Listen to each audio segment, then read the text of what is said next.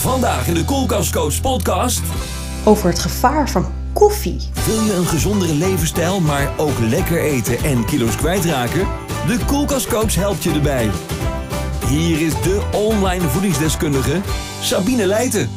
Zo, podcast nummer 9. En dan gaan we het hebben over het gevaar van koffie. Want hoe gezond is koffie nu eigenlijk? Ik kreeg namelijk in mijn besloten Facebookgroep, dat is een groep waar je komt op het moment dat je start met een van mijn programma's, eh, de vraag van iemand van joh, hoe zit het met koffie? Ik drink namelijk vijf tot zes koppen koffie op een dag, maar ik weet eigenlijk niet of het überhaupt wel gezond voor me is en wat dat voor invloed heeft op mijn afvallen. Heel veel mensen zijn verslaafd aan koffie. Nou, ik heb ongeveer 13 jaar in Spanje gewoond. Daar heb ik een aantal restaurants gehad en een klein bistro-achtig tapasbarretje. En dat was een ontzettende trekpleister, want in het weekend kwamen daar heel veel mensen om 8 uur s ochtends al ontbijten met een eh, lekker knapperig croissantje en een geurend bakje koffie. En we hadden wel een van de beste koffies in, in, in die plaats. Dus het was altijd ontzettend druk. En vandaag de dag is het zo dat we best wel veel koffiehuizen hebben in Nederland. Er zijn allerlei branderijen die steeds meer nou ja, goed gewaardeerde koffie gaan maken. Want de filterkoffies van tegenwoordig, die kunnen eigenlijk niet meer. Ik moet zeggen, ik ben zelf pas koffie gaan drinken toen ik 30 werd. Toen ik dus zo'n leuke bistro had, waarin ik echt goede koffie serveerde. En dacht van, nou, ik ga het eens een keertje proberen. Want die grote slootbakken, ja, Senseo, vond ik niks in ieder geval. En we hebben tegenwoordig hebben we ook natuurlijk allerlei soorten koffies. Hè? Laat een macchiato, cortado, een geknipte koffie, verzin het allemaal maar. En wij hebben echt een koffieverslaving in Nederland. Want wij zijn echt koffiemensen. We hebben het gevoel dat we thuiskomen als we koffie ruiken. Nou, daar wordt natuurlijk ontzettend goed op ingespeeld.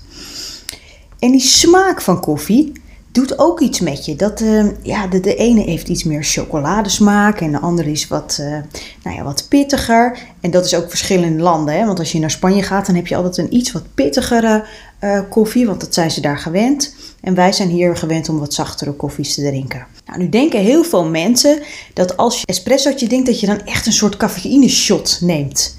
Maar dat is niet waar, want die meeste cafeïne zit in die filterbakken koffie. Dus die koffie die we vaak op kantoor krijgen uit die automaten, daar zit veel meer cafeïne in dan in een espresso. Dus als je denkt van nou ik heb een, shot hè, cafeïne nodig, want ik heb, wat, ik heb een boost nodig, dan kan je beter een filterbak koffie drinken dan een espresso. Want in een filterbak zit 85 milligram cafeïne en een espresso 65 milligram cafeïne. Nou, dit komt, waardoor heeft koffie of filterkoffie dus meer cafeïne, omdat het water langer de tijd heeft om langs de koffie te lopen. Bij een espresso is dat korter en daardoor bevat het minder cafeïne. Nou, nu zijn er een heleboel mensen, en misschien jij ook wel, die wel 10 tot 15 bakken koffie drinken op een dag. En hoe gezond is dat nou eigenlijk? Is dat überhaupt wel zo goed voor je? Want wat doet cafeïne precies en waar zit het in? Ik ga het je uitleggen. Cafeïne is een stof dat een stimulerende werking heeft op ons zenuwstelsel. Je voelt je er wat minder slaperig door. Hè? Dus als je je moe voelt, dan denk je, nou, ik neem een beetje cafeïne, dat stimuleert weer. Het helpt je beter te concentreren. Dus het werkt goed op je hersenen, maar ook op je nieren, want vaak ga je er ook sneller van plassen. Op je maag en op je darmen, want dat hebben ook veel mensen. Hè? Dan drinken ze een kopje koffie en dan kunnen ze meteen naar het toilet. Nou, cafeïne wordt binnen no time opgenomen in ons bloed. Ongeveer 99% van de cafeïne is binnen 45 minuten volledig opgenomen in je bloed. Tussen de 15 en 120 minuten na het drinken van cafeïne is het effect van cafeïne het grootst.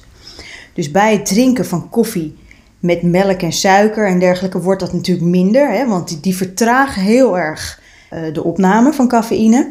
Dus als je cafeïne wilt gebruiken, doe dat dan zwart.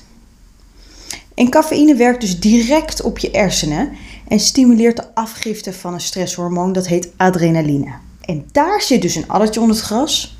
Want adrenaline uh, is soms, hè, dat, dat werkt lekker. Dan krijg je een beetje zo'n soort trillend gevoel. Je krijgt er hartkloppingen van. Wat op zich goed is als je het gebruikt.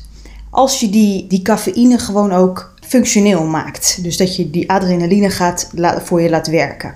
Nou, nu zijn er twee dingen. Adrenaline heeft als afgifte dopamine. Dopamine is een neurotransmitter die in je hersenen gestimuleerd wordt, waardoor je je gelukkiger voelt. Dus dat heeft, is net zoiets als een drugs. Hè? Dus eh, cocaïne en heroïne hebben bij wijze van spreken hetzelfde, maar dan vele malen groter. En uh, dus als je eigenlijk een cafeïne drinkt of een kopje koffie, dan heb je het gevoel dat je, nou, je er blijer van. En wat gebeurt er nu aan de andere kant van die adrenaline? Op het moment dat jouw lichaam heel veel adrenaline aan moet maken, dan moet daar iets tegenover hangen. Want die piek is gewoon heel erg hoog. En om die piek weer naar beneden te krijgen, moet je lichaam insuline gaan aanmaken om die balans weer te gaan vinden. En dat is het gevaar van koffie. Van al die mensen die 15 tot 20 bakken koffie op een dag drinken op kantoor, is dat die insuline uiteindelijk ook lam gelegd kan worden, waardoor je dus een insulineresistentie krijgt, suikerziekte en je er dus uiteindelijk dikker van wordt.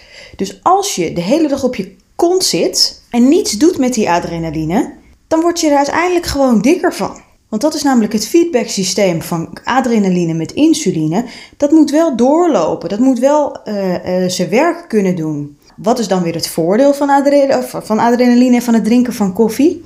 Want dat is hetgeen wat ik zelf vaak doe. Is op het moment dat ik weet van, oh ik ga zo meteen trainen. Dan neem ik dus een espressootje of een kopje koffie. Omdat ik dan weet dat ik die cafeïne goed kan gebruiken tijdens mijn sportprestaties. Want ik kan me beter concentreren. Ik ben minder moe. Dus ik heb ook echt iets aan die cafeïne. Nu kan je cafeïne kan je drinken dus voor je training, maar je kan het ook na je training doen. Want na je training zorgt het ervoor dat je vetverbranding iets meer stimuleert en dat die ook dus iets optimaler gaat werken. Mijn advies is dus drink maximaal twee koppen koffie op een dag, dus niet meer 10, 15 koppen van dat slootwater op een dag.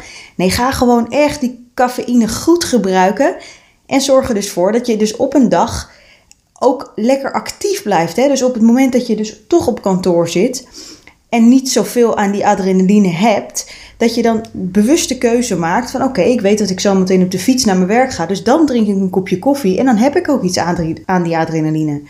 Want die insulineresistentie wil je niet. Je wil ook niet dat het systeem lam gelegd wordt. Je wil niet dat je lichaam zoveel insuline moet aanmaken, want dat moet het al door hetgeen wat je eet op een dag. Dus ga er bewust mee om.